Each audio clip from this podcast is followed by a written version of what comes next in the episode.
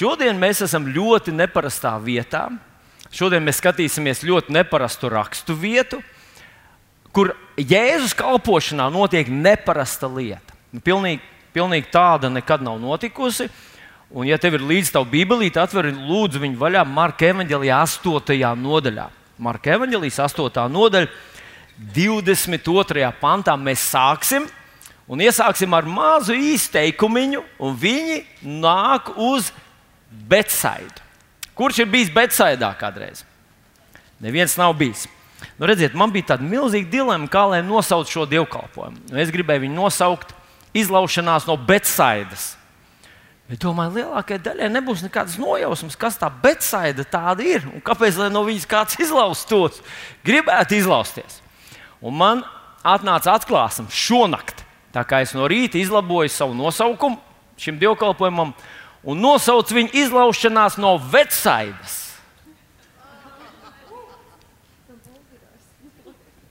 Līdzekļi vajadzēja no Bolderājas. Tas būs uzreiz zināms, saprotams, ka izlaušanās no Bolderājas. Nu, bet, uh, nu, ka, kas tad tā vecaida tāda ir? Ja nemaldos, tas bija komponists Bernsteins, Aleksandrs vai, vai kaut kā līdzīga tas vārds bija. Amerikāņu komponists, kas uzrakstīja mūziku. Un tā mūzika centrā ir divu jauniešu mīlestība, patiesa, īsta, tīra mīlestība. Bet viņi katrs atrodas savā, banda, savā bandā, un kon konfrontējošā bandā. Un var teikt, tā ir bandu pasaule, kurā ir divi jaunieši iemīlējušies ar tīru, patiesu, īstu mīlestību savā starpā. Nu, lūk, izlaušanās no vecaidas būtu no vestsaites, jā, piedod, piedodiet, jā, man angļu valoda nav stiprākā, mana valoda. Es vēl labāk runāju krievu valodā, bet, bet tā tad izlaušanās no vestsaites nozīmētu iziet ārā no šīs bandu vides, no šīs likuma pārkāpumu, asins izliešanas, no šīs cietsirdīgās vides. Un, manuprāt, tas ļoti sasaistās ar šo stāstu un šo, šo sižetu, ko mēs redzam no šīs raksturvietas, Marka Evanģelija 8. nodaļā, 22. pantā sākot, kur rakstīts, viņa nāk uz Betsaidu. Turpmāk mēs lasām, viņa nāk uz Vestsaidu, bandu vidi. Tā ir Ņujorkas bandu vide, kurā ir notiek kaut kādas labas lietas. Lasām tālāk. Tātad viņa nāk uz Vestsaidu vai Betsaidu, kā ir pareizi rakstīts mūsu Bībelē. Tad tie viņam pieved kādu neredzīgu un viņam lūdz, lai viņš to aizskartu. Viņš neredzīgo pie rokas ņēmis, To izved ārā no ciema. Mūsu revidētais teksts to sauc par ciemu. King James tulkojums sauc to par pilsētu, un arī e, krievu valodas sinodālais tulkojums šeit lieto vārdiņu pilsēta. Tātad uh, viņš to viņš neredzīgo ņem pie rokas, izved to ārā no ciema un spļāva viņa acīs, uzliktām rokas, un tam jautāja, vai tu ko redzi? Un acis pacēlis, tas sacīja: Es redzu cilvēkus, kokiem līdzīgus staigājumu. Tad viņš atkal uzliek rokas uz viņa acīm, un tas ieraudzīja gaismu, un tapa atkal vesels. Un redzēja visu pilnīgi skaidri. Ah, vai tu ko redzi? Tātad, uh, turpinās tas, tas uh, raksts. Tātad 25. pāns, un viņš redzēja visu pilnīgi skaidri. Un viņš to sūtīja mājās, sacīdams. Tātad Jēzus saka šim puisim, nē, pilsētā, vai nē, atpakaļ uz šo ciemu mūsu revidētajā tekstā. Šāds pavērsiens Jēzus kalpošanas laikā nekad nenotiek. Viņš neko tādu nedara. Nekad. Jēzus, par kuru mēs lasām, ka viņš bija tik ļoti noslogots, ka cilvēki tik bieži mācās virsū, nāk pie viņa pēc dziedināšanām, vispār nāk pie viņa, lai apskatītu viņu, lai iepazītu viņu, un dažādu citu iemeslu dēļ, lai apsūdzētu viņu. Kādā vietiņā rakstīts, ka to cilvēku bija tik daudz, ka viņiem nebija iespējams pat ēst. Un kādreiz viņš ar saviem mācekļiem dodas pāri prom uz kādu vientuļu vietu, vienkārši lai kādu mirklīti ar mācekļiem pabūtu vien, lai atpūstos. Un cilvēki vienalga no visām malām sat, sanāk tajā vietā, un viņiem no tās atpūtas nekas nesanāk. Tātad Jēzus, kurš ir tik ļoti aizņemts, ka viņam nav laika ēst un nav iespējas ar saviem mācekļiem atpūsties, kad viņam pieved šo vienu neredzīgo cilvēku, paņem viņu pie rokas un viens pats ar šo cilvēku dodas ārā no pilsētas. Nu, cik ilgs tas gājiens bija? Un kāds 30 minūtes es tā pie sevis parēķināju. Viņam vajadzēja izvest to neredzīgo cilvēku. Tas nebija atlētājs, tas nebija maratonists, tas nebija kaut kāds sportists. Tas bija cilvēks, kurš neredz.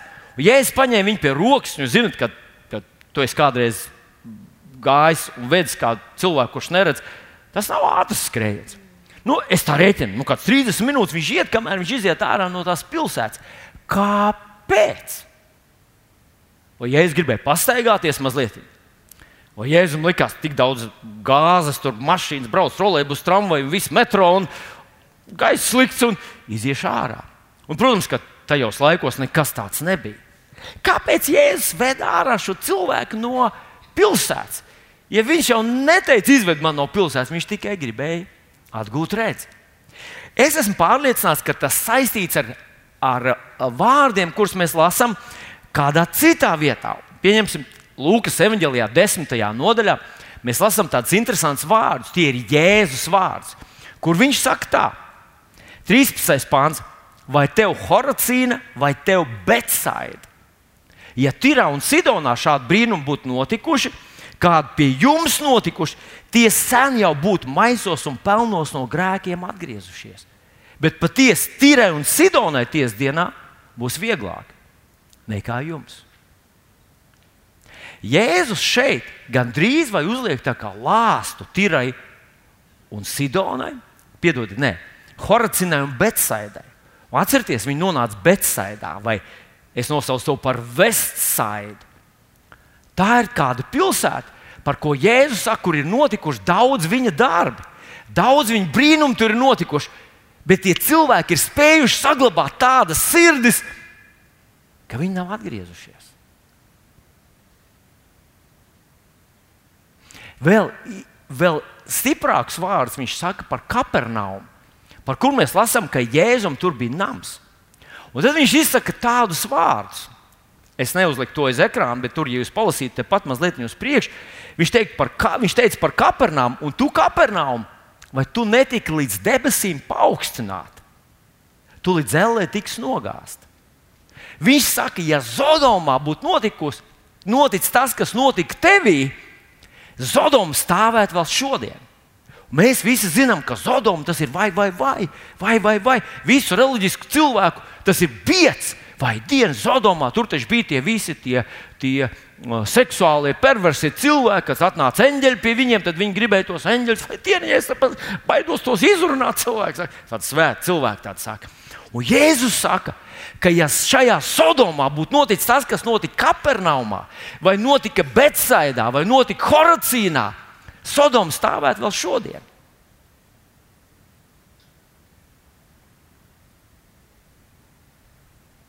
Kapernaumā Jēzum bija nams, Mēsija. Tas, par ko visi vecās derības pravieši runāja un stāstīja, ka atnāks Mēsija, viss izmainīsies. Iestāsies cits jā, laikmets, iestāsies jauni, brīnišķīgi brīnišķīgas dienas. Šis mesija dzīvoja Kapernaumā, un Kapernauma spēja, Kapernaumas iedzīvotāji, protams, ne jau akmeņi, spēja saglabāt tik cietu sirdi, ka viņi nepieņēma mesiju un nepieņēma jēzu. Manuprāt, šis iemesls, kāpēc Jēzum vajadzēja izvest ārā šo aklo cilvēku no Betsaidas vai Vestsaidas, no šās cietās, cieto sirdžu pilsētas, ir tāpēc, ka tur valdīja tāda neticības atmosfēra. Tur valdīja tāds mm, skepticisms, tāda it kā tāda reliģiska augstprātība, ka Jēzus saka, ka šeit tas cilvēks dziedināšanu saņemt nevarēja. Vai tiešām tas tā varēja būt? Vai tiešām tas ir iespējams, ka cilvēku apkārtējo cilvēku neticība varēja ietekmēt Jēzu? ka viņam bija tas cilvēks jāved ārā no, no pilsētas, lai viņš varētu saņemt savu dziedināšanu. Un es uzdrošinos apgalvot pavisam droši, ka tieši tas tā bija. Jo Marka evanģēlijā 6. nodaļā, 5. pāns saka, viņš nevienu brīnumu nevarēja darīt. Viņš nevienu brīnumu nevarēja darīt. Jēzus, Dieva dēls, par kuru mēs domājam, ka viņš darīja visu, ko gribēja. Viņš nevarēja darīt savus darbus, nevarēja darīt savus brīnumus, kuru dēļ viņš bija atnācis virs zemes. Viņš nevarēja tos darīt tāpēc, ka cilvēki neticēja. Nevarēja darīt. Un es domāju, ka ja Jēzus kaut ko nevarēja izdarīt, to, ko Dievs bija sūtījis, viņi izdarīja tāpēc, ka cilvēki nepieņēma un neticēja viņam. Iespējams, ka mēs ar tevi sastopamies ar tieši to pašu fenomenu ik pa laikam, kad mēs dodamies pie kāda cilvēka. Un mums liekas, ka Dievs mūs vada. Mums liekas, ka Dievu mēs pat jūtam, Dieva mīlestību pret kādu cilvēku, bet Viņš savā tajā skepticismā, tajā savā neticībā, viņš ir spējīgs aizvērt savu du, savus durvis tā, ka tas Dieva prāts viņa dzīvē piepildīties nevar. Skumji, sāpīgi, traģiski, un tomēr tā tas notiek. Tātad Jēzus ņem šo cilvēku un ved viņu ārā no, no Betsaidas. Bet viņš ne tikai viņu ved ārā no Betsaidas, Jēzus izdara to, ko viņš nekad agrāk un nevienā citā gadījumā nav darījis. Viņš viņam prasa, vai tu ko redzi? Citiem vārdiem, vai palika labāk? Nu, ja mēs ar jums to darītu, būtu skaidrs, pareizi. Mēs gribam zināt, no kaut kas nostrādāja, kaut kas notika, bija, Dievs paklausīja. Bet, ja Jēzus to jautāja, viņam nevajadzēja atbildēt, vai Dievs paklausīja vai nē. Es esmu pārliecināts, ka tā vide to puisi tik ļoti ietekmēja, ka Jēzus nevis šaubījās par to, vai Dievs dara savu darbu. Jēzum bija rūpes, vai tas puisis ar savu neticību spēja saņemt no Dieva to brīnumu, kur viņam tik ļoti tam puisim vajadzēja. Un mēs konstatējam, ka viņš tikai spēja saņemt daļēji. Nevis Dievs deva daļēji, bet tas puisis spēja saņemt daļēji. Un tad Jēzus vēlreiz par viņu lūdz, vēlreiz uzliek rokas viņam uz viņa acīm. Un pēc tam mēs lasām, ka viņš atkal atgūs savu redzi. Bet ievērot, ko Jēzus nobeidz, ar ko viņš nobeidz šo stāstu. Viņš izved viņu ārpus pilsētas, no neticīgās tās vides, un to viņš gribēja izdarīt. Tas ir mans uh, pirmais, pirmais punkts ka Jēzus viņu gribēja izvest ārā no tādas neticības citadeles. Tā vide apkārt bija tik ļoti neticības un skepticisma pilna, ka tas ietekmēja to puisi. To neredzīgo puisi, kuram vajadzēja brīnumu, Jēzum viņu vajadzēja izvest ārā. Bet Jēzus viņam teica, nē, atpakaļ. Un šajā rītā, mīļais draugs, es gribu tev atgādināt tos vārdus, kurus Līga pieminēja iepriekšējā svētdienā, ka mū, mēs esam absolūti pieņemti.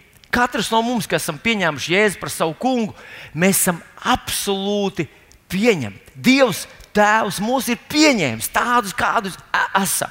Pieņēmis ar mūsu pagātni, ar mūsu visam, visam mūsu parametriem. Viņš mūs pieņēmis, apskāvis. Mēs viņam patīkam. Bet, un mums ir jāpieņem cilvēki. Bet viena lieta, ko mēs nevaram pieņemt, un ko šodien es gribētu, lai tu iemācies pieņemt cilvēkus, bet nepieņem viņu neticību. Nepieņem to sevī. Un tā ir pirmā lieta, ko, manuprāt, šeit šodien mums māca šis stāsts.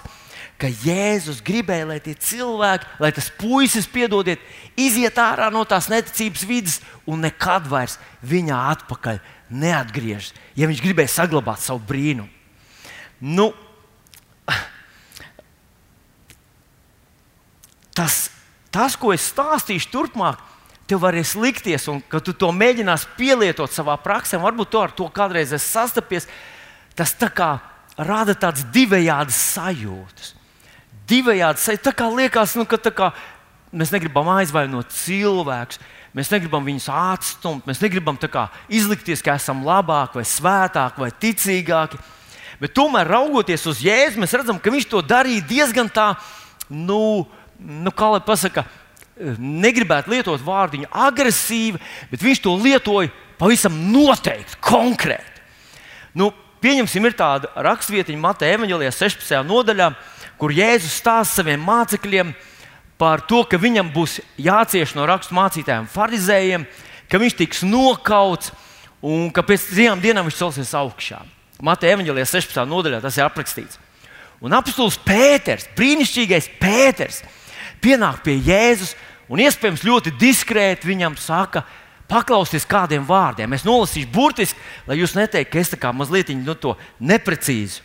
Viņš saka viņam tā, lai Dievs pasargā, ka tev tas nenotiek. Viņš nevis viņš saka, kā tu varēsi dzīvot, tu taču esi jauns, tev sievas nemaz nav.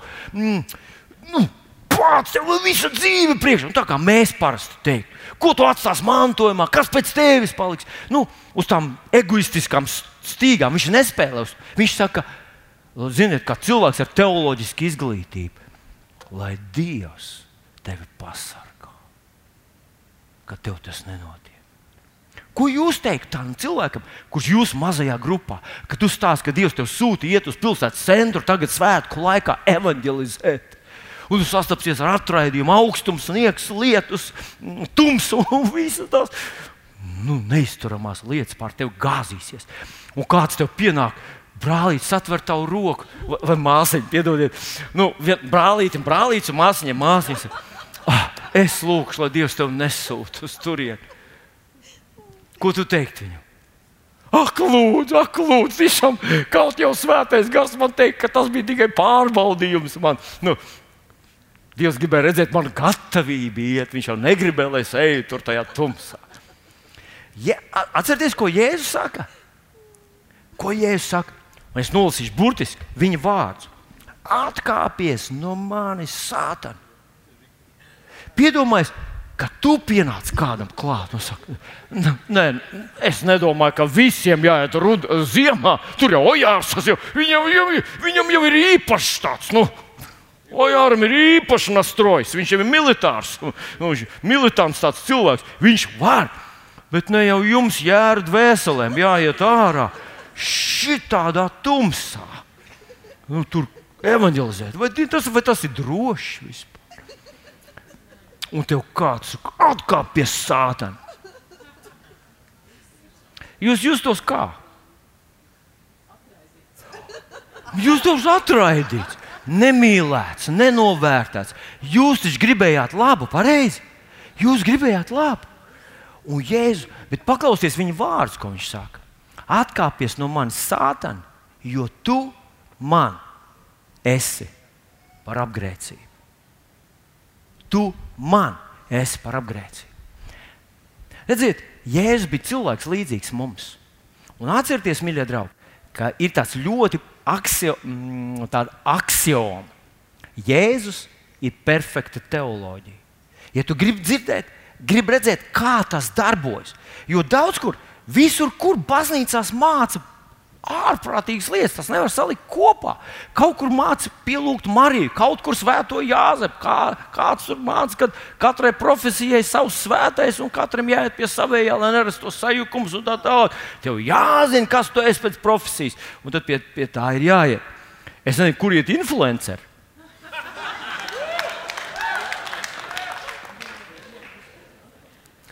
Bet paklausieties! Ja tu, ska, ja tu kaut kādu jaunu doktrīnu izlasi kādā grāmatā, paskaties, kā tas darbojas pie Jēzus, jo tur tas ir perfekts parādīts. Un Jēzus, acīm redzot, šie vārdi, kurus izteica Pēters, lai tev nenotiek, būtu iekrituši Jēzus sirdī, un viņam ar tiem būtu jācīnās pēc tam. Jo tikko tie vārdi iekrīt tavā sirdī, viņi tūlīt dzen, dzen uh, saknes, un viņi iesakņojās tur. Nu, es jums pastāstīšu piemēru. Es kādreiz strādāju poligrāfisko iekārtu regulētājs, iestādītājs. Iestādītājs var rasties sajūta, ka stādīja, bet vajadzēja viņus regulēt. Nu, lūk, man bija kolēģis, un kolēģis viņu sauc vārdā Juris. Viņš bija uh, krievu puisis, bet ļoti labi latviešu valoda viņam bija. Ar viņu vispār, vispār nebija nekādas problēmas. Izņemot vienu lietu, kas viņam piemīt. Viņa, viņš ļoti slikti dzirdēja. Viņš ļoti slikti dzirdēja. Faktiski, lai Jurim kaut ko pateiktu, nevarēja no ceha otrās puses teikt, Jurī! Viņš nereaģēja vispār.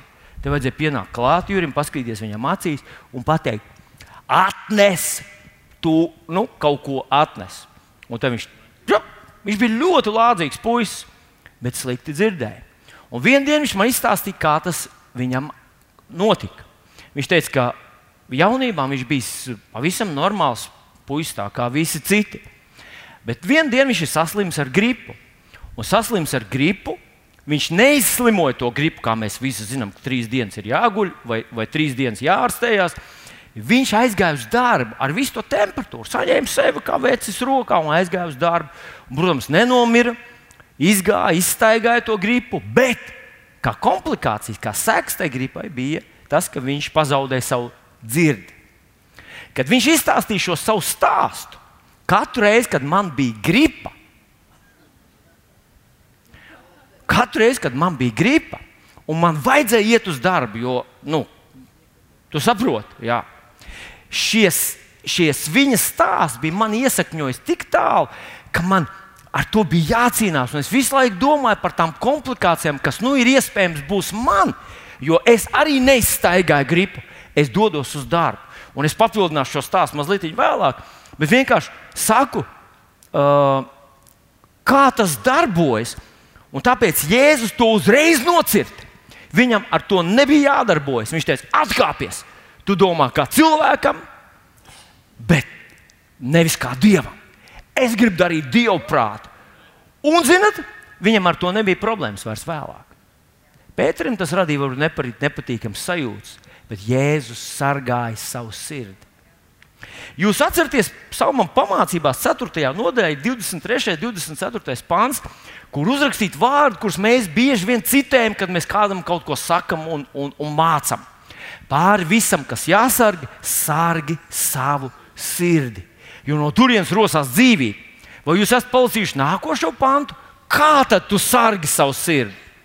Viņš saka, turpmāk, kā sargi. Vairi prom no sevis negantību teicēja mutes, un arī lai paļātāji mutes ir tālu projām no tevis. Kā tu sargi savu sirdi? Jā, es, nevienu, es, nesaku, es cenšos neko neteikt sliktu, es cenšos tur šitā un tā, tur es, es, es piedomāju labas domas. Katru reizi, kad tu dzirdi, ka kāds cilvēks saka kaut ko, vai nu, varbūt Varbūt jums tā nav. Varbūt jums tā nav. Bet man ir tā, ka katru reizi, kad es dzirdu, pieņemsim, ziņās, saka, um, gripas sezona ir sākusies. Ir pasludināta gripas sezonas sākums, tāpēc, ka jau ir saslimuši tik un tik daudz cilvēku. Un es esmu konstatējis, ka izdzirdot šos vārdus, kādu mirklīt vēlāk, tā kā sēkla ir iekritusi manā sirdī, un es sāku piedomāt jau pie tā, ka gripas sezona gripas sezonu. Un es esmu pamanījis, ka ja es tajā pašā mirklī, kad es dzirdu šos vārdus, ka gripas sezona ir sākusies, Rīgā jau ir saslimuši 3892 cilvēki, un no tiem 4000 jau ir nomiruši. Pieņemsim, nu, es, protams, pārspīlēju. Ja? Bet jau miruši, nu, ik pa laikam mūsu statistika mums saka, jau miruši tik un tik cilvēki. Jau no grupas miruši, no, no grupas ir miruši tik un tik daudz cilvēku. Ja es uzreiz pasaku, nē, man tas neskars, priekš manis nav gripas sezonas, man nebūs šīs problēmas. Ziniet, ko? Es tā kā pasargāju savu sirdi, man par to vairs nav jādomā. Un es Šodien visur, visos mēdījos, visur, kur stāsta par visām slimībām, par vēžiem tur un vēžiem šur, un vēžiem uz ādas, un vēžiem zem ādas, un vēžiem degunā, un vēžiem galvā, un vēžiem aknās, un vēžiem taisnā zarnā, un vēžiem aklā, aklā zarnā arī. Nu, sakot, visur, kur. Un katru reizi, kad es dzirdu, varbūt esmu super jūtīgs, jūs tādu nesat. Bet es esmu pamanījis, ka ja es uzreiz ču, nocērtu to, ha, man vispār nav par to jādomā. Bet, ja es neko nedaru, tas kaut kādā veidā iekrīt manā sirdī un momentāli sāk dzīt saknītes. Man par to ir jādomā un jāsāk domāt, vai tikai tas neskars arī mani. Es esmu pamanījis, ka Jēzus ļoti radikāli rīkojās tādā ziņā, ka viņš nocirta un viņš neļāva neticībai ietekmēt viņa, uh, viņa kalpošanu, viņa, viņa dzīvi. Nu, paskatieties, viens piemērs ir Jāira mājā. Jēzus atnāk, Visi apkārt stabulnieki, viņi tur raud, viņi jau aprauda to meitenīti. Un Jēzus atnāk un saka, viņa nav mirusi, bet guļ. Ko Jēzus dara? Un tad tie cilvēki sāk viņu izsmiet, ko viņš dara ar viņiem. Tur nav rakstīts, ka viņš palūdz viņiem iziet ārā. Ziniet, es gatavojos mobilizēties un koncentrēties uz lūkšanu, vai es nebūtu tik mīļi, neiziet ārā, tur pagaidīt drusku ārā, pēc tam jūs varēsiet apraudāt, ja gadījumā nenostrādās vai kaut ko tamlīdzīgu. Tur rakstīts, viņš izdzina ārā. Izdzina ārā. Vai Jēzus to izdzina, vai viņš pavēlēja Jairam, lai izdzina, vai viņš pavēlēja saviem 12 apstuļiem zvejnieki uzlocīja rokas un dzina ārā raudātājs un tos tur nu, cimbālistus un flautistus. Viņi varēja to izdarīt. Viņi izmet ārā tos cilvēkus. Paklausieties! Vai tas varētu nozīmēt, ka, ja tu negribi ar šīm lietām cīnīties savā dzīvē, labāk neļauj viņiem iespļaut, piespļaudīt tev dvēseli? Izmet ārā viņus. Jā, bet ja cilvēki apvainojas, mēģina izdarīt to maksimāli maigi. Maksimāli maigi. Un tomēr, mīļais draugs, ja Jēzum vajadzēja, ja Jēzum vajadzēja dabūt prom tos cilvēkus, kas vienkārši spļāva neticību, kas visu, visu noniecināja. Nekas tas nav, tur nekas nebūs, tas viss ir mājiņa. Kāpēc mēs ļautu piespļaudīt savus dvēseles? Un es domāju, ka rīkoties asi un rīkoties konkrēti, un tas būtu viens no veidiem, kā tu un es, mēs varētu iziet no šīs neticības citadeles un neļaut tev ietekmēt mūsu lai mēs varētu saņemt tos brīnumus, kurus mums mūsu dzīvē tik ļoti vajag. Ziniet, es īstenībā uzdrošinos apgalvot sekojošo lietu. Kad cilvēka ticības attiecības ar Dievu, viņām tā kā ir tāds vairākas stadijas. Un tā pirmā stadija ir, kad cilvēks saslimst, vai, vai viņam notiek kaut kas, un tad viņš saka, jā, nu, bet es ticu, ka Dievs var man dziedināt, ka Dievs var man glābt. Tas tā kā tāds sākums stadija. Tā doma, ka Dievs vispār grib un var to izdarīt tavā dzīvē, tas tā kā ir tā kā tāds sākums.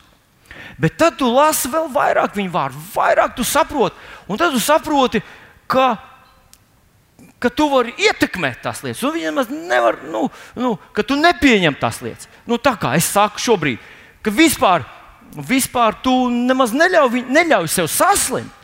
Un, un tad sāc cīnīties, kad saslimst, un nomēri sev, tev doktori visu pasaka, uzraksta tev izrakstus, tu atnes rengenu, skaties, jā, man tas ir, tagad es ticēšu.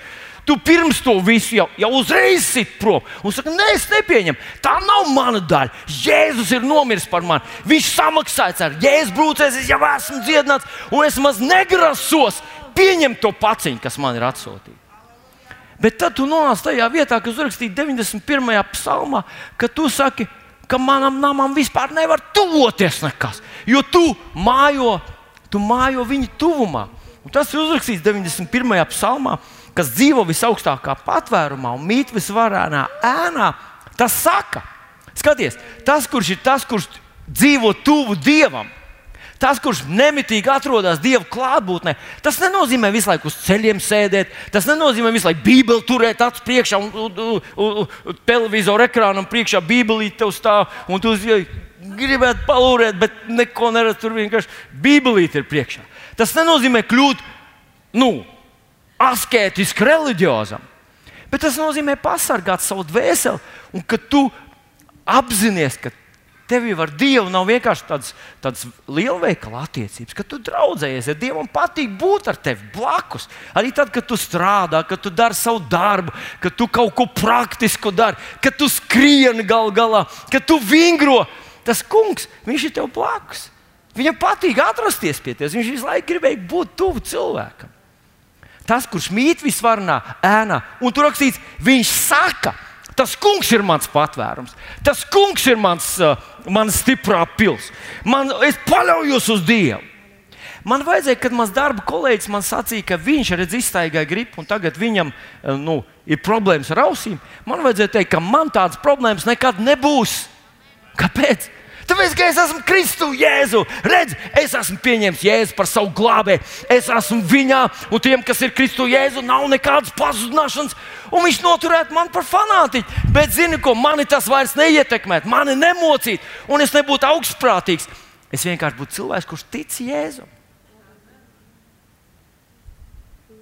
Viņš gribēja izvest ārā no šīs neticības citadeles šo puisi.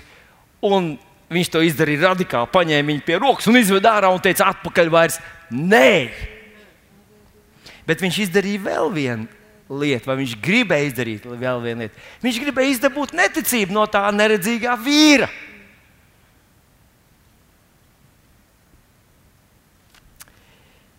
Un vēlreiz atgādināšu, ka redzi, tā tava un mana neticība, un mums tāda ir. Es zinu, ka tu skaties uz sevi, skaties uz savu grūto situāciju, un saki, oi, kā man vajag. Tam puisim bija vēl grūtāk. Bet viņa neticība varēja patraucēt viņam saņemt savu brīnumu no Dieva. Un Marka 6,5 viņš nevarēja nevienu brīnumu izdarīt. Vai varētu būt tā, ka Dievs kaut ko nevar izdarīt tavā dzīvēm? Tāpēc, ka tev ir ļoti liela neticība. Vai varētu tā būt? Es pateikšu par sevi. Es nezinu, nevaru iebāzt savu termometru tavā sirdī, bet par sevi gan es zinu, ka man ir problēmas, ka Dievs nevar īsti man lietot tā, kā Viņš gribētu. Jo mana neticība dils tik ļoti lēna. Un es gribētu pie tā piestrādāt vēl. Un es jūtu, ka ik pa laikam svētais gars uzrunā man, ka vajag gavēt. Bet kuņģis brālis tik šausmīgi, necilvēcīgi skaļi, ka nevienmēr man tas izdodas. Draugs, kas notika ar tavu neticību šī gada laikā? Viņa palika lielāka vai mazāka? Mateja evanģēlijā 17. nodaļā ir aprakstīts tas gadījums, kur mēs kādu laiciņu atpakaļ lasījām. Un tur ir tā vieta, kur pie Jēzus atved, pie Jēzus mācekļiem vispirms kāds vīrs atved savu dēlu, kuram bija epilepsija. Un tad viņš nokrīt tur, un tie mācekļi cenšas izdzīt to demonu, un viņiem tas neizdodas. Un tad, tad uh, uh, Jēzus, uh, viņi pēc tam pienāk pie Jēzus un jautā viņiem, uh, viņi pienāk pie Jēzus un jautā viņam, kāpēc mēs to nevarējām izdzīt. Un Jēzus viņam atbild, jūsu, mūsu revidētais teksts saka, jūsu masticības dēļ. Bet jau atgādināšu, ka King Jamesā ir rakstīts jūsu neticības dēļ. Un arī Krievijas sinodālajā tulkojumā, sinodālais tas, tas vecais, nu, ļoti uzticamais tulkojums.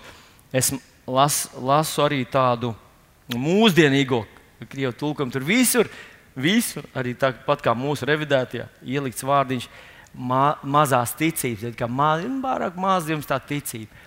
Bet, ja es tur pats saku, ja jums ticība būtu kā sinepes graudiņš, jūs pavēlētu kalnam.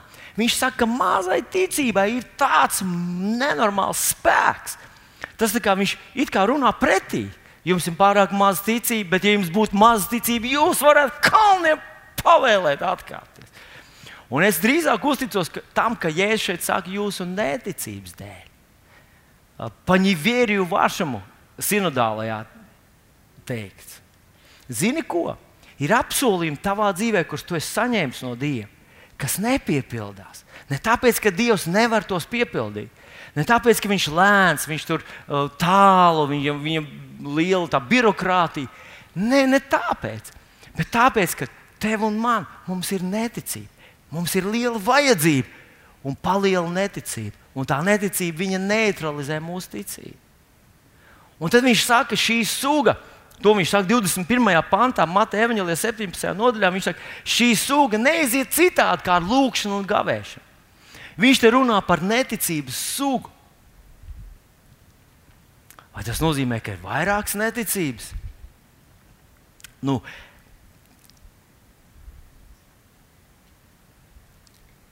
ir vairākas neticības. Es zinu, ka tu man tūlīt piekritīs, paklausies mazliet.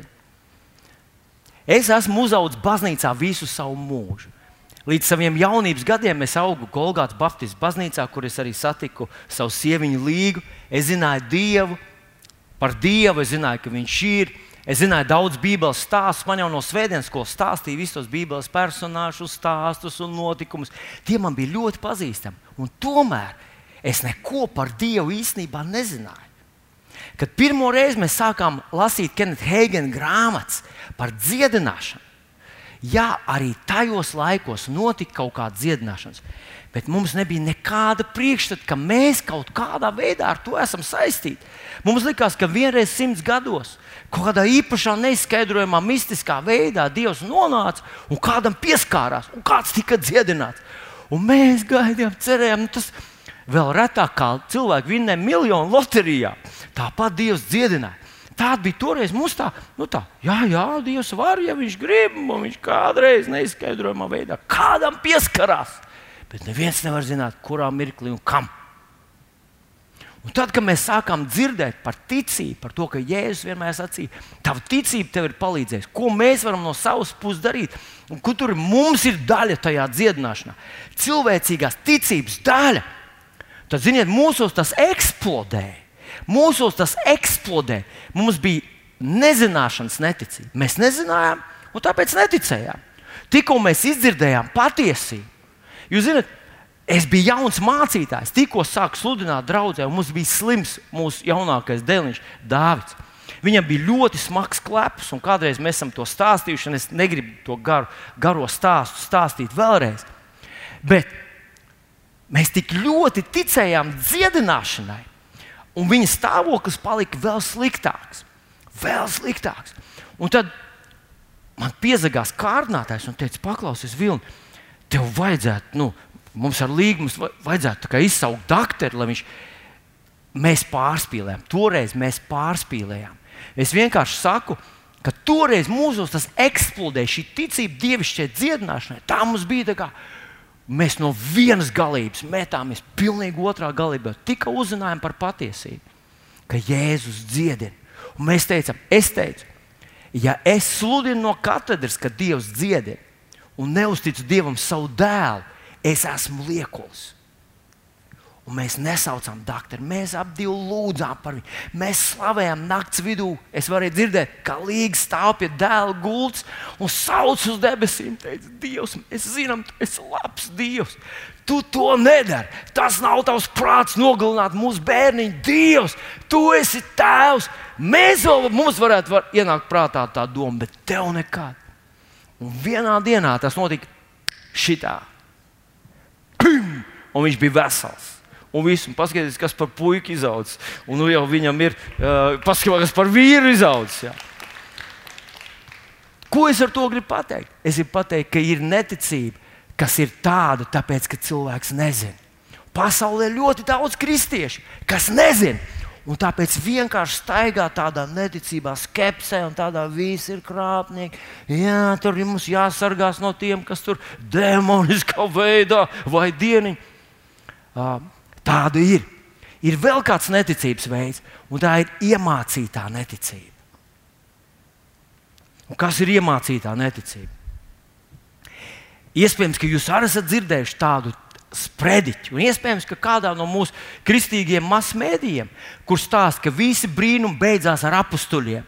Šodien mums ir medicīna, Dievs ir devis mums doktorus un zāles, un Dievs mums ir devis visas tās brīnumainās un brīnišķīgās lietas, kā klizmas un sprites, un, un, un, un sineplāksters, un, un operācijas un apstarošanas. Halleluja! Paldies, tev, kungs, par apstarošanām, un, un, un tad vēl visas tās brīnumainās lietas, kas mūs tā dziedina. Un, un viss brīnumi ir beigušies, valodas ir beigušās. Svētā gara dāvanas ir beigušās. Šodien mums ir galva, priekš kā mums svētais gars, mēs paši visu izdomājam, ko vajag un kā, vai ne? Esat jūs tādus sprediķus dzirdējuši? Un tā ir iemācīta neticība. Un tad ir tāda doktrīna, kas saucās, ka Dievs tev sūta slimības, lai tevi padarītu labāku. Redzi, kāds tu grēka gabals esi, bet kad tu slimo, gulti pacietīgs gultiņā un svīsti, redzi? Tu paliec labāks. Tev sliktas domas nenāk galvā. Dievs kaut ko veido te, bet kā viņš veido, kas man no tā ir labāks, ka man ātras kājas? Jā, Dievs zina, kā atrast to. to. Un tā ir iemācīta neticība. Tu netici, ka Dievs grib tevi dziedināt, jo tev tas ir iestāstīts, iemācīts, un tu netici. Nu, es ne uz tevīm to. Es vienkārši saku, ka tas ir tāds īpašs neticības veids. Un tad ir dabīga neticība. Nu, kas ir dabīga neticība? Nu, Rekur par puisi Jēzus uzliek viņam rokas, lūdz par viņu, un tas saka, tu kaut ko redzi. Un viņš saka, kaut ko tā kā tur kaut kas kustās, koks kāds, kas tas ir. Nē, tas ir tavs brālis. À, nu. Un tu uzreiz redzi, ka tu neesi dziedināts. Īstenībā tas ir kaut kas, kas arī mūsos ir iemācīts. Nu, skatieties, mēs visi zinām, kā darbojas kosmos, vai ne? Zeme griežas ap sauli, mēnesis griežas ap zemi, un tur viss tās planētas, un tas viss ir tik ļoti izskaidrots, tik ļoti precīzi. Mums nekad dzīvē neienāktu prātā doma, kā Jozom ienāca prātā. Viņš uz, uzbļāva saules, saules stāvi par, um, par ko viņai vajadzēja stāvēt? Par ielai, jā un, un mēnesis par Ajalo, mm, Ajalo kaut kā līdzīga Ajalovas ielai. Es domāju, mēs ar jums to nekad nedarītu, jo mēs zinām, tas nav iespējams. Pareizi. Tā ir dabīga. Mums, mums ir iestāstīts, mēs pasēdējām botānikas stundā, paklausījāmies, un tagad mēs zinām, kā tas ir. Viss. Tas ir tas, kā tas ir.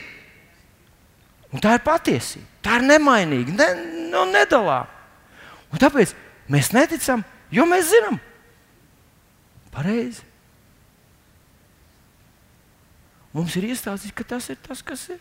Tā ir tā realitāte. Augstākā realitāte ir tas, ko mēs redzam, redzam ar savām acīm, pataustam ar savām rokām, ko mēs varam sagaršot un tā tālāk.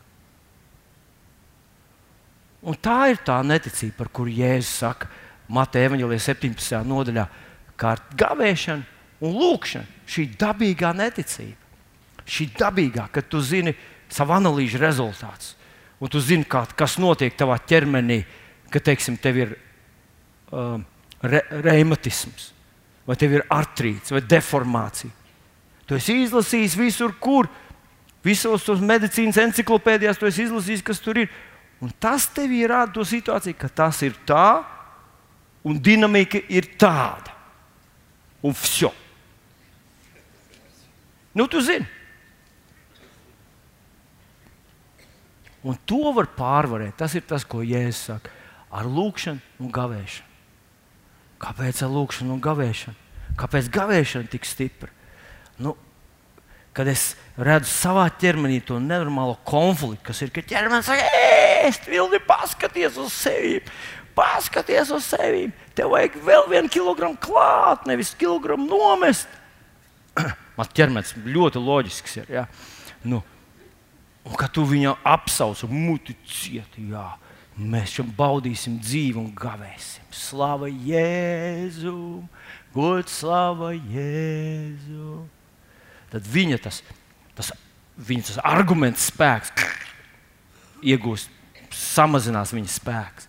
Un, un, un Jēzus autoritāti. Jēzus ir pār visām valdībām, varām, spēkiem, visiem likumiem, visām noteikšanām kad tu gavē un lūdz Dievu, tam neticība saņem triecienu, tavu ticību pakāpjas augstāk. Tas ir tas, ko Jēzus gribēja izdarīt ar to puisi. Un tas ir tas, ko viņš grib izdarīt ar tevi un mani. Halleluja! Halleluja! Un vēl viena lieta, ko viņš gribēja izdarīt ar to puisi un gribēja izdarīt ar tevi.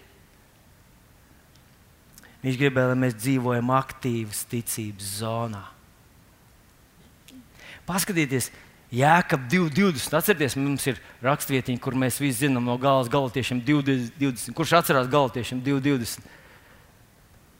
Līdz ar Kristu esmu krustā sēs, bet nu nedzīvoju es, bet man ir dzīvots Kristus. Tā kā latviešiem 2,20, galotiešiem 20, Jēkab 2,20. Vai tu zini, gribi zināt, tukšais cilvēks, ka ticība bez darbiem ir nedzīva. Ticība bez darbiem ir nedzīva. Es to jau sen konstatēju, tīri intuitīvi. Un es jums pas, pastāstīšu, kā es to ieraudzīju savā dzīvē. Kad es slimoju ar gripu, nu, gripu kādreiz, mēs, kādreiz savā necības laikā slimoju ar gripu.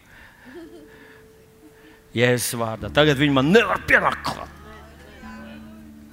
Nu, es slimoju ar gripu, un es lūdzu, kungs, dziedini man, es pieņemu dziedināšanu, jēzus brūcēs. Un es apsēdies ar uh, zem sēgas. Jēzus vārdā es pieņemu dziedināšanu, pieņemu dziedināšanu, Jēzus brūcēs. Halleluja! Jēzus ir mans dziedinātājs. Es te gultā sēžu un saņemu dziedināšanu. Es saņemu dziedināšanu, sēžu gultā. Vienu dienu sēžu gultā. Nākamā dienā rīt pamostos. Es, es esmu dziedināts, es palieku sēžot gultā. Un es nosēžu gultā trīs dienas, dziedināts. Aleluja! Bet tie simptomi visur pat man arī paliek. Un faktiski es izdarīju to pašu. Ja es nebūtu saņēmis dziedināšanu, būtu izslimojis arī trīs dienas. Nu, labi, kādreiz ir trīs ar pusdienas, kādreiz ir drusku ātrāk. Tas pats notiek.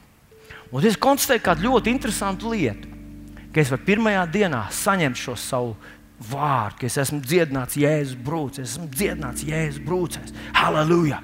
Un tad, ko tad dziedināt cilvēku dara? Vai viņi sēž gultā? Es ceļos kājās un eju uz darbu. Un te tas stāsts, man kolēģis stāsts, kad viņš teica, ka es aizgāju uz darbu ar gripu. Viņš sāk urbt un borēt man dvēseli. No tā vien, ka viņš toreiz man izstāstīja. Es eju uz darbu, ticībā, jēzus brūcē, es esmu dziedināts. Tas ir nieks pārvarēt to nespēku un sviedrus un tā tālāk. Tas ir nieks, bet pārvarēt šo iekšējo to. To augu, kas ir izaugs un neticības sēklu, kas tev saka, pats, skaties, kas ar tavām ausīm. Uh, tu arī ej pa to pašu ceļu, pa kuru jūras iet. Man vajadzēja diezgan daudz laika pacīnīties ar to, ņemt raksturvietas, mest ārā, teikt, ka tas uz maniem neatiec. Izcīnīt to vienam, dabūt ārā to no savas sirds. Bet es konstatēju, ja es ceļos un eju uz darbu, no sākuma sviedri tek, no sākuma ir grūti, no sākuma tev liekas, ka tu neesi nekādas dziedināšanas, tev nav. Bet paiet stunda, divas, trīs, tu esi darbā, un pēc tam tu aizmirsti, ka tu esi bijis slims no rīta. Un es konstatēju, ka tava ticība, ja tu rīkojies, tas rezultāts, tas brīnums atnāk. Turpretī tu vari sēdēt un gultā gaidīt to dziedināšanu. Pasīvi tā ticība, un viņa neatnāk. Tas ir tas, ko viņš saka, ka ticība, īsta ticība mūs glābj. Tas ir tas, ko Markus saka ka cilvēks, kurš tic Jēzum, kā savam kungam, glābējam, viņš spērs nākamo soli. Tas nākamais solis ir kristība. Ja cilvēks ir pieņēmis Jēzu par savu kungu, viņam nevajag kristīties. Tad viņam nav šīs ticības īstas. Paklausieties, mēs ar jums sēžam brīnumā. Šis ir brīnums. Tas nams ir brīnums, bet šis arī ir brīnums. Es jums pastāstīšu, kā mēs viņu sākām celt. Mēs saņēmām vārdu, jā, ka mums vajag, jā, jā, to vajag darīt, un tā tālāk. Naudas mums nekad nebija. Nekad nebija naudas. Un mēs ticam, mēs tur esam tajā blakus mājā, mums vēl vajag nomaksāt visas zemes, visu kaut ko. Un mēs tur staigājam pa to māju, sakām, Jēzus vārdā. Mēs ticam, ka Dievs mums dod, Dievs mums palīdzēs, Dievs mums ir devis šo ēku. Halleluja! Slavu Jēzum! Mums ir ēka! Un nekas nemainās. Un tad vienā dienā mēs arī kojām talku, uztaisījām žogu visam šim īpašumam apkārt. Es nezinu, vai kāds atcerās to no tiem laikiem. Ir kādi daži cilvēki, ir. Jā. Mēs saklapējām vienkāršiem dēļiem žogu. Žogs bija 3 km garš. Apmēram. Tas ļoti liels, daudz darba. Un, ziniet, kamēr cilvēki tur rosījās, un mēs tur klapējām stīvu uz roku iekšā tos mietus un stipri, pilnīgi izēja ārā. Uu! Pilnīgi cita atmosfēra te visai. Mēs ticējām, Un nu, mēs kaut ko darām uz šīs ticības pamata. Un, un sāk notikt brīnums. Mēs uztaisījām žogu, ko mēs vēl varam darīt. Neko nevaram. Un aizgāja prom. Šī brīnuma atmosfēra, šī dieva klātbūtnes spēka atmosfēra, aizgāja prom. Un te iznāca ārā. Mēs nopirkām pamatus, tie draugi pieder, mēs te celsim. Bet ir tumšs un kluss, un nekā nav. Un vienā dienā es atceros, Mārtiņš Laudams sadabūja tādu traktoru, o, tas bija uh, Bobkats, jā, ar tādu lielu pīķu. Un, un, un, ko mēs te varam darīt? Sāksim laust nostur tās. Tur bija tāds vairāks uzbetonots, tāds visas tādas, tādas, nu, tādas, tādas sienīs, tādas pussienīs, kuras vajadzēja no. Un mēs sākam.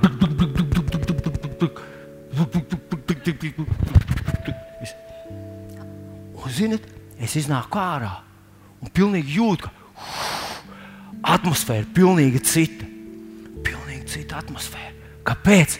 Jo tu tici un dari. Nevis vienkārši dari. Kādreiz cilvēki pārstāv lietot zāles, es pārstāvu lietot zāles, es saņemšu no Dieva. Tas nav tas. Redz, tas brīnums notiek, kad tu tici, un tava ticība motivē tavu rīcību. Tad notiek brīnums. Ar to vienkārši vajag tikai rakt. Un cilvēki tā norok viens nu, sevi, pārstāv lietot zāles, un viens otrs nomirst. Nevis rīcība dara brīnumu, bet ticība, kura izlējās rīcībā, notiek brīnums. Es varētu pastāstīt jums vēl vairākus gadījumus, bet es skatos, ka mūsu laiks ir ļoti aizskrējis. Uh, Kalvins kādreiz izteica to tādiem vārdiem: Mēs tiekam glābti no ticības. Mūsu glābi viena ticība, Jēzus Kristus, mūsu glābi. Bet glābjoša ticība nekad nav viena. Ja kāds saka, ka viņš kaut kam tic un nerīkojas, viņš ir liekuls Kalvina vārdiem. Jo ticībai, kas glābi, vienmēr ir kaut kāds saistīts, saistīta rīcība.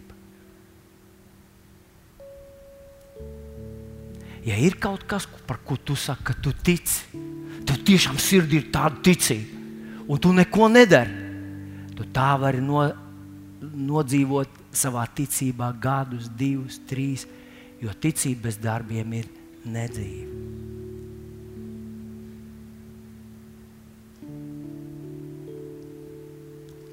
Jēzus gribēja, lai mēs ar tevi dzīvojam aktīvas ticības zonā. Jēzus gribēja, lai mēs ar jums, lai mēs ar jums darbinam savu ticību. Un es, es, es vēl drīkstu nobeigt ar vienu atgadījumu no Bībeles, kas, kas manuprāt, ļoti spilgti to ilustrē. Tas ir Jāņa Evanģelijā, 9. nodaļā. Pie Jēzus atved vienu puisi, kurš ir no dzimšanas neredzīgs. Un mācekļi viņam jautā, vai viņš pats ir, vai viņa grēku dēļ, tas vai nav viņa grēka, vai viņa vecāku grēku dēļ. Un Jēzus saka, nē, vienkārši šajā pasaulē notiek sliktas lietas. Šajā pasaulē ir viens traks suns, tas ir vēlns, un šī pasaule ir kritus pasaule. Dažreiz šajā pasaulē notiek sliktas lietas bez kāda individuāla grēka sekām. Bet paklausies, ko viņš dara. Jēzus paņem viņu savrupu, nospļauj zemē un paņem iesmērē viņam acīs mālu. Tad dubļus iesmērē viņam acīs. Un saka tam puisim, ej un mazgājies zilos dīķī. Un tas dīķis bija Jeruzalemes otrā pusē. Iedomājieties, Jēzus pasakā vienam aklam cilvēkam, kāds no jums ir bijis Jeruzalemē? Tur viss ir visādi labirinti, tur ir pilns ar tirgiem, tur ir cilvēki, tur ir nu, tā ir gandrīz vai. Nu, tā, ja tu gribi, lai cilvēks nositās neredzīgs, tad sūti viņu uz Jeruzalemi, lai viņš iziet viņai cauri. Un viņš sūta to puisi, lai viņš iziet cauri. Tas būtu tas pats, kas mēs šeit kādam neredzīgam teikt, ielikt viņam, iesmērēt viņam zāles un teikt, aizej uz Daugavu, noskalo at, acis. Viņš tik viss nevar noiet tepat lejā, nomazgāt. Bet saprotiet, Jēzus viņam deva iespēju parādīt savus ticības rīcību. Darīt, uz, ja tu teici, ka Jēzus ir dziedinātājs, un viņš tev teica, aizies tur cauri Jeruzalemē, uz to zilos dīķi, aizies tik tālu, tad tu saņemsi dziedināšanu. Un viņam bija Kāds viņam teica, ka tev iedos ūdeni? Nē, man jā, kāds teica, ka ir dīķis tepat blakus. Nē, man jāiet uz zilās, kur ir zilās. Man jā, ka es aiziešu tur, tur es tikšu dziedināts. Mīļais draugs, Manuprāt, tas ir viens vienīgs iemesls. Tava ticība rīkojas saskaņā ar to. Rīkojas saskaņā ar to. Spēr pirmo solīti, pirmo mazo solīti. Kā mēs sākām celt to māju, es jums izstāstīšu. Tas sākās četri gadi atpakaļ. es šodien vairs nestāstīšu. Bet es gribu, lai tu zini, ka mēs runājam ka Jēzus šodien saka, tev vajag izlausties no vecaitas, no vecaitas, piedodiet. No tiem cilvēkiem, kas saka, jā, tā ir gripa, jā, tā ir, ka tu, ka tu paliec vecs. Tas ir normāli tavā vecumā. Cik tev gadu? Man drīz būs 60. Vai diena normāli, ka tu neredzi, ka tev ir brīlis, ka tev ir slīgs, ka tev ir kaula vāja, ka tev tur uh, ausīs zvana un ka tev tur šis un tas. Normāli, tā ir nodils ķermenis vienkārši. Mums ir iemācīts. Paklausieties, ko mēs lasām par mūzu, ka viņa acis nepalika tumšas un viņa dzīves spēks nemazinājās. Kas tie par dundukiem, kas mums iemācīja? Ka normāli, kad cilvēks man teica, vēl normāli, tavos gados jau agrāk gāja pensijā. Jau. Es esmu Neinficējiet man šo vecumu slimību, Jēzus vārdā. Uh, es ticu, ka Dieva gars manī dzīvo. Es ticu, ka Viņa spēks manī darbojas. Es ticu, ka es eju no spēka uz spēku. Es vēl gribu ar mocītu pabraukt, es vēl gribu kalpot, es vēl gribu iet. Es gribu izdarīt tā, nosludināt, un tad teikt, kungs, savu es esmu izpildījis, un iegulties zārkā un nomirt. Nu, ne šeit tas būtu, nu, tas būtu šoks, jā. Bet es negribu gulēt uz gultas trīs gadus. Kurš teica, ka tā ir jādara? Kurš teica, ka jābūt vecam, slimam, līkam, nevarīgam, nedzirdīgam un vēl visam kam? Kurš mums to iemācīja? Jāizmet ārā viņa no jāira dzīvokļa, lai jāira metiņa var dzīvot Jēzus vārdā.